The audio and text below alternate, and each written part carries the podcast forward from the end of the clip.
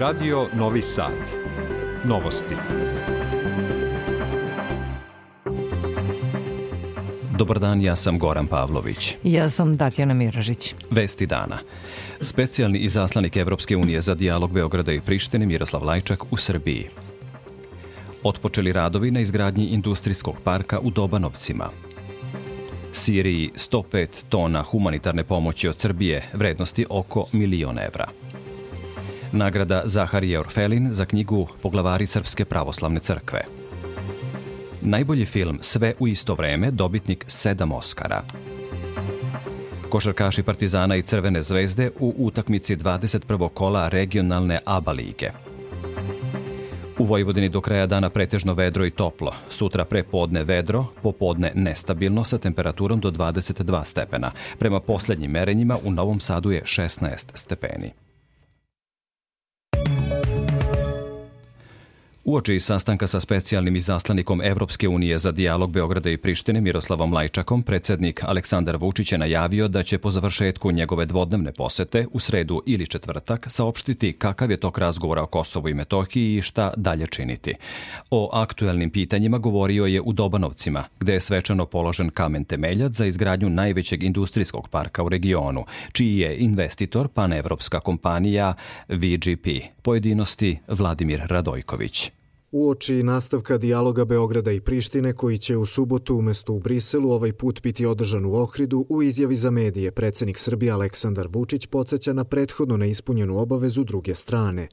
Pre sastanka sa specijalnim posrednikom Evropske unije ima direktna očekivanja. Da vidimo šta je to ne pre svega u čemu ćemo da maštamo i šta ćemo da pričamo, već šta je to što možemo da uradimo a ako neko nije spreman ni da razgovara, kamoli da implementira zajednicu srpskih opština, ne znam šta je smisao. Sem o političkim, predsednik je govorio i o ekonomskim temama. Komentarišući vest o potresu na financijskom tržištu Sjedinjenih američkih država usled propasti banke u Silicijumskoj dolini uverava u stabilnost domaćeg bankarskog sektora. Što se naših banaka tiče, mi provodimo striktnu superviziju, nikakvih problema nema i ljudi mogu da budu potpuno sigurni u banke koje sa dozvolom Narodne banke Srbije rade u našoj zemlji. A pre odgovora na pitanja novinara, predsednik je sa predstavnicima kompanije VGP označio početak izgradnje industrijskog parka u Dobanovcima. Siguran sam da ćemo i ove godine biti šampioni po privlačenju stranih direktnih investicija, da ćemo opet preći 4 milijarde i verujem da će tu ovakvi logističko-industrijski centri, logističko-trgovinski centri imati poseban značaj. Jan Van Git, izvršni direktor i vlasnik kompanije VGP. Postavljanje kamena temeljca je prekretnica za VGP. To će biti najveći logistički park u Srbiji, a bit će i najveći park u VGP grupi. Na raskrsnici autoputeva E70 i E75 i obilaznice oko Beograda, a u blizini Beogradskog aerodroma, na površini od 120 hektara biće sagrađeno više od 400.000 kvadrata prostora za skladištenje i proizvodnju. Nenad Bjelogrlić, direktor VGP Srbija. Naše investicije će olakšati razvoj trgovine, ubrzati realizaciju stranih ulaganja u proizvodnju, ali omogućiti domaćim kompanijama da lakše šire svoje logističke kapacitete. VGP u oblastima logistike i poluindustrijske proizvodnje u svom portfoliju ima više od 100 poslovnih parkova. Posluje u 17, a imovinu posjeduje u 14 evropskih zemalja. Bruto vrednost imovine kompanije procenjena je na više od 6,4 milijarde evra. Specijalni izaslanik Evropske unije za dijalog Beograda i Prištine Miroslav Lajčak razgovara u Beogradu sa predsednikom Aleksandrom Vučićem. Lajčak je u Beograd stigao nakon prošlonedeljnog dvodnevnog boravka u Prištini gde je poručio da je svrha njegove posete da prikupi informacije kako u Beogradu i Prištini vide primenu sporazuma. Opširnije Vesna Balta. Lajčakova poseta Beogradu i Prištini može da označava neku vrstu pripreme za nastavak pregovora u Ohridu u okviru dijaloga uz posredstvo Evropske unije zakazanih za 18. mart, kaže predsjednik Skupštinskog odbora za Kosovo i Metohiju Milovan Drecun. Ističe i da je prvo pitanje rešenje problema oko formiranja zajednice srpskih opština. Ako Lečo kaže ostvarili smo napredak, a Kurti odmah za njim kaže neću da formiram zajednicu srpskih opština to je definitivno. Sad ne znam kakav je napredak ostvaren. Dakle, da bi se krenulo napred napred. Mora prvo da se dogovori formiranje zajednica srpskih opština, da se ona formira pa dalje. Prema rečima predsjednika Komisije za nestala lica Veljka Odalovića, zajednica srpskih opština treba da obuhvata već postojećih 10 opština u kojima žive Srbi i da omogući direktan kontakt sa vlastima u Prištini. Pre dolaska u Beograd, specijalni zaslanik Evropske unije za dijalog Miroslav Lajčak je prethodne sedmice u Prištini razgovarao sa premijerom privremenih prištinskih institucija Albinom Kurtijem i predsjednicom Bljosom Osmani, a sastao se i sa predstavnicima opozicije. Na pitanje tamošnjih novinara da li u Ohridu može da se očekuje potpisivanje nacrta za sprovođenje sporazuma, Lajčak je odgovorio da je trenutno fokus na finalizaciji konačne verzije nacrta. Još jedna srpska kuća obijena je i opljačkana na Kosovo i Metohiji, a reči o domu porodice Nedeljkoviću u Preocu, opština Gračanica. Slučaj je prijavljen policiji koja je obavila uviđaj, rekao je domaćin Branko Nedeljković. Naveo je da je iz kuće sinoć odneta manja količina novca, a da je njegova porodica za vreme pljačke bila u kupovini. Na Kosovo i Metohiji juče obijena i opljačkana još jedna srpska kuća, a reč je o domu Mirića iz Batusa. Direktor Kancelarije za Kosovo i Metohiju Petar Petković izjavio je da je advokat koga je angažovala kancelarija podneo zahtev da se pokušaj ubistva srpske dece u Gotovuši na, dan, na badnji dan prekvalifikuje u pokušaj teškog ubistva, kao i da će epilog biti poznat na novom ročištu zakazanom za 16. mart, a da će o čitavom slučaju biti obavešteni i međunarodni predstavnici. Očigledna je namera Prištine da spasi pripadnika KBS zatvora, iako je reč o čoveku koji je pucao u srpsku decu dok su nosila badnje Badnjak s namerom da ih ubije, napisao je Petković. Policija na severu Kosova i Metohije sprečila je pokušaj krijumčarenja više desetina hiljada komada kokošijih jaja iz centralne Srbije, bez relevantne dokumentacije, zaplenivši ih zajedno sa kamionom koji im su prevožena. Vozač i suvozač su nakon ispitivanja pušteni u redovnom postupku. Kontrola kamiona srpskih registarskih tablica obavljena je sinoć oko 20.40, pri čemu je utvrđeno da su vozač AS i suvozač JA, kako policija navodi, osumnječeni da su legalno prešli administrativnu liniju. Predsednica vlade Ana Brnabić razgovarala je sa ambasadorkom Narodne republike Kine u Srbiji Chen Bo o bilateralnim odnosima i radu na zajedničkim projektima. Brnabićeva je prenela čestitke novoizabranom kineskom premijeru Li Qiangu i istakla spremnost da u narednom periodu dve zemlje nastave plodonosnu i uspešnu saradnju. Ona je takođe čestitala i na reizboru za treći mandat predsedniku Kine Xi Jinpingu i dodala da je to izuzetno dobra vest za nastavak čeličnog prijateljstva Srbije i Kine u, kako je ocenila, veoma izazovnim vremenima. Ambasadorka Čembov zahvalila je premijerki Brnabić i prenela svoje uverenje o nastavku dobre saradnje dveju država. Vlada Srbije poslala je građanima Sirije, pogođenim katastrofalnim zemljotresom, 105 tona humanitarne pomoći ukupne vrednosti od oko milion evra. Taj kontingent čine lekovi, medicinska oprema i sanitetski materijal, zatim hrana, šatori, agregati, ćebat, sredstva za higijenu kao i druge potrepštine neophodne građanima Sirije.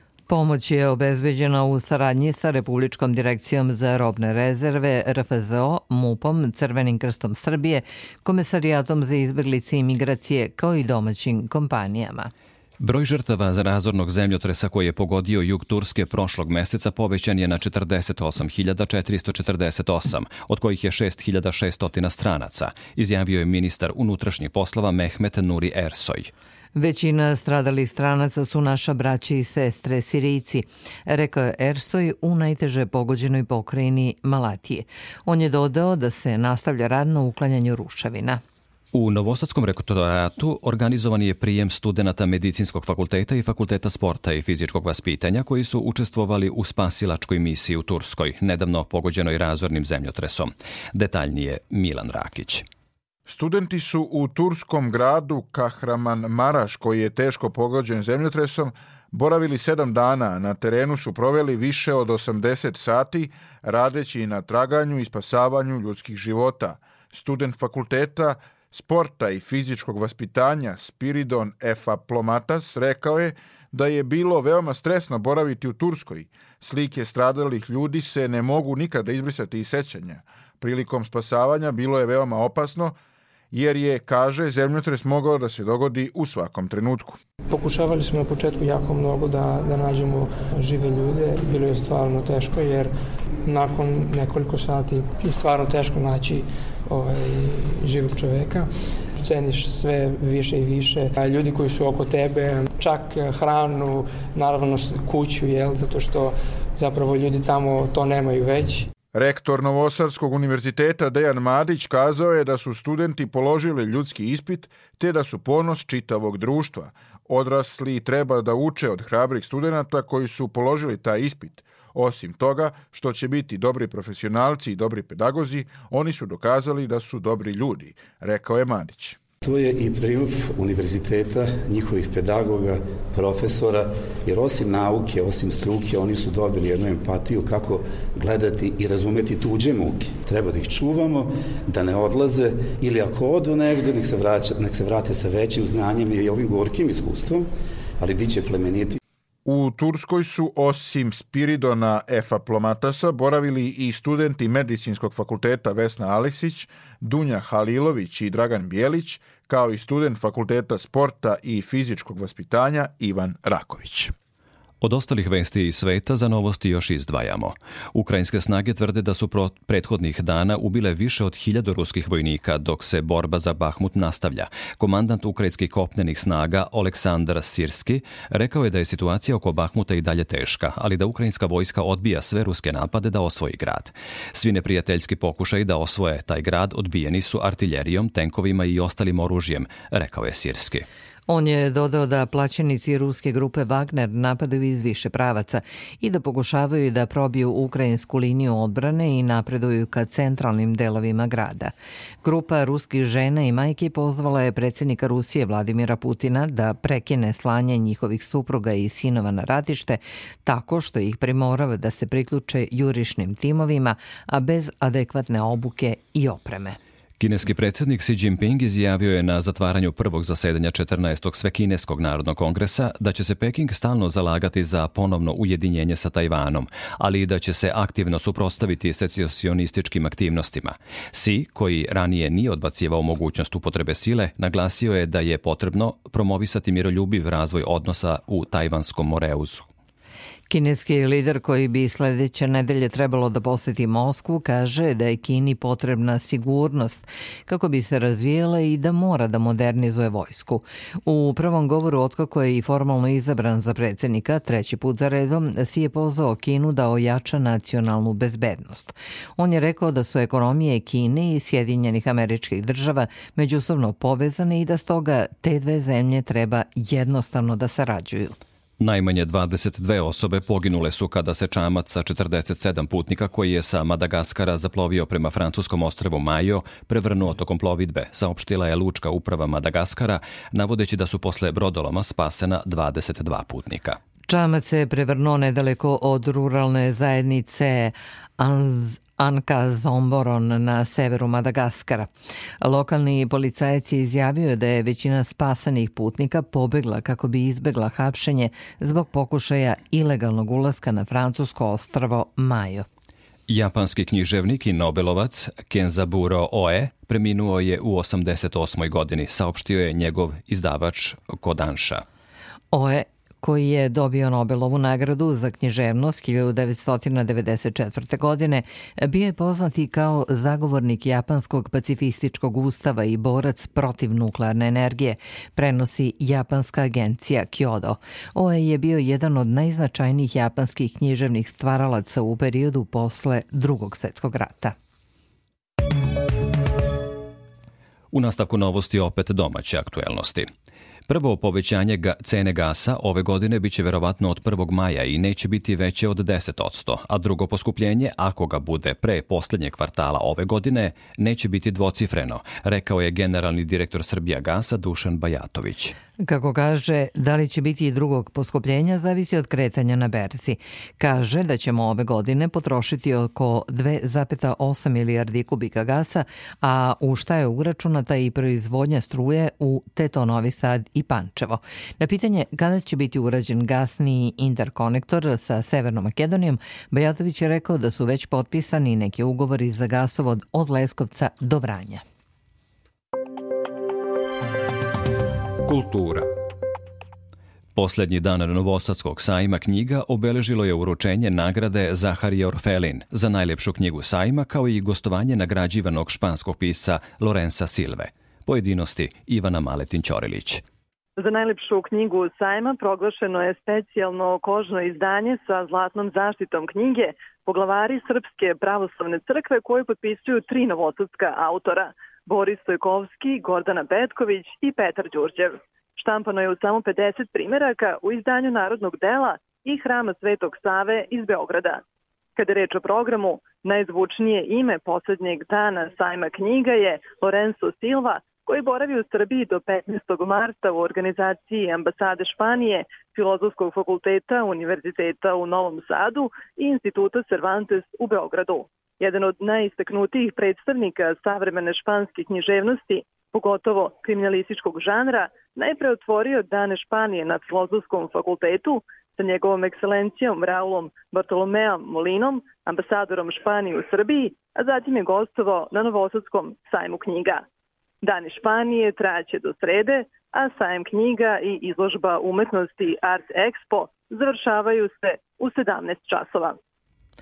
Beogradski festival igre ove godine proslavlja dve decenije kontinuiranog uspeha i međunarodne prepoznatljivosti.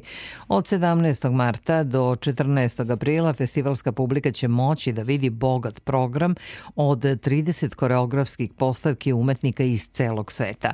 Deo programa biće izveden i u Novom Sadu. Opširnije Ana Čupić kroz umetnost pokreta, a u čast igri pod sloganom Zajedno mi slavimo igru, okupit će se vrhunski umetnici iz različitih trupa i otvorit će važne teme koje analiziraju savremeno društvo.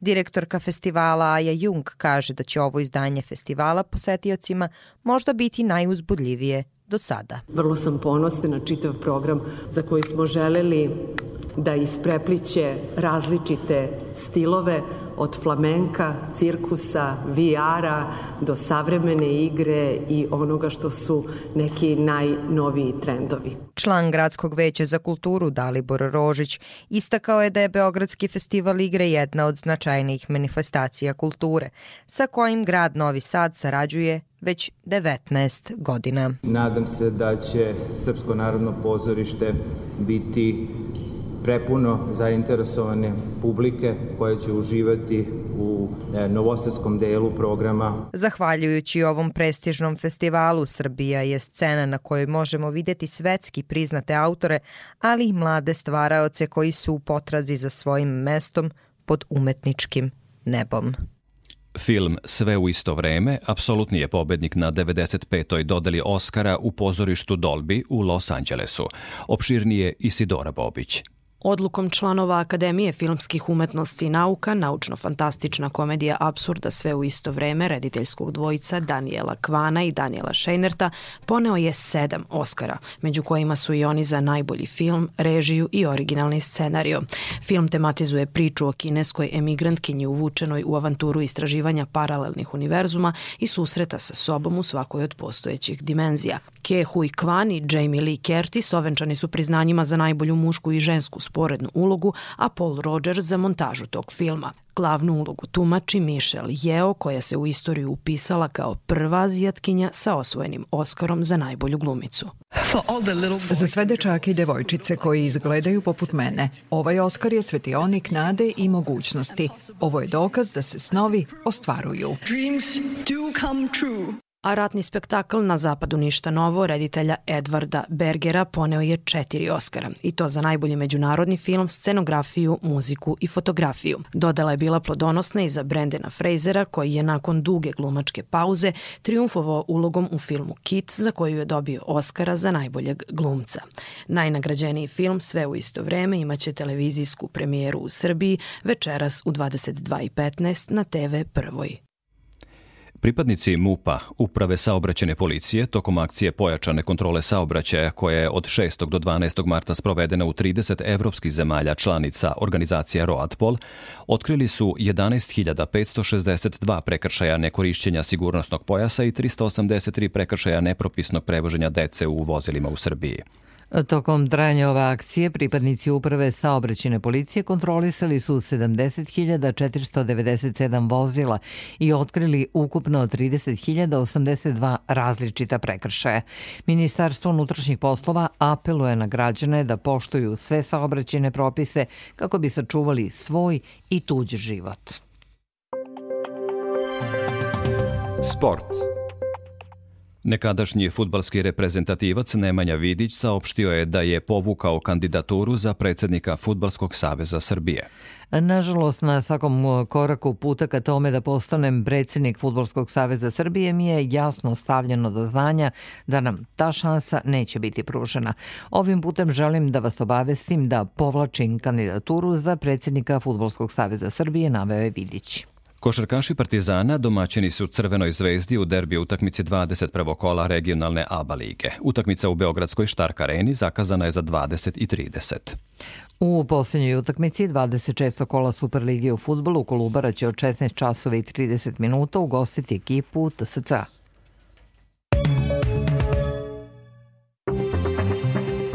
Pred kraj emisije podsjećanje na najvažnije vesti. Specijalni izaslanik Evropske unije za dijalog Beograda i Prištine Miroslav Lajčak u Srbiji. Otpočeti radovi na izgradnji industrijskog parka u Dobanovcima. Siriji 105 tona humanitarne pomoći od Srbije, vrednosti oko milion evra. Nagrada Zaharije Orfelin za knjigu Poglavari Srpske pravoslavne crkve. Najbolji film Sve u isto vreme, dobitnik sedam Oscara – košarkaši Partizana i Crvene zvezde u utakmici 21. kola regionalne ABA lige. Prema poslednjim merenjima u Novom Sadu je 16 stepeni. Da čujemo i opširniju prognozu. U Vojvodini utorak pretežno sunčano i toplije.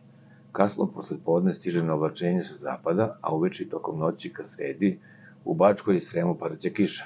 Vetar umeren i jak, na jugu Banata i olujni jugoistočni jutarnja temperatura od 4 do 9, a najviša dnevna od 19 do 22 stepena. U Vojvodini u sredu oblačno i hladnije sa kišom i lokalnim pljuskovima koji će biti praćeni i grmljavinom. Za Radio Novi Sad, meteorolog Miodrag Stojanović. Slušali ste novosti prvog programa radija RTVA. Sve vesti iz zemlje i sveta možete pronaći na našoj internet stranici rtv.rs gde ovu emisiju možete slušati odloženo. Novosti i tonski realizovao Mihajl Daždiju, producentkinja Branislava Stefanović. Pred mikrofonom bili urednik Goran Pavlović i Tatjana Miražić. Hvala na pažnji.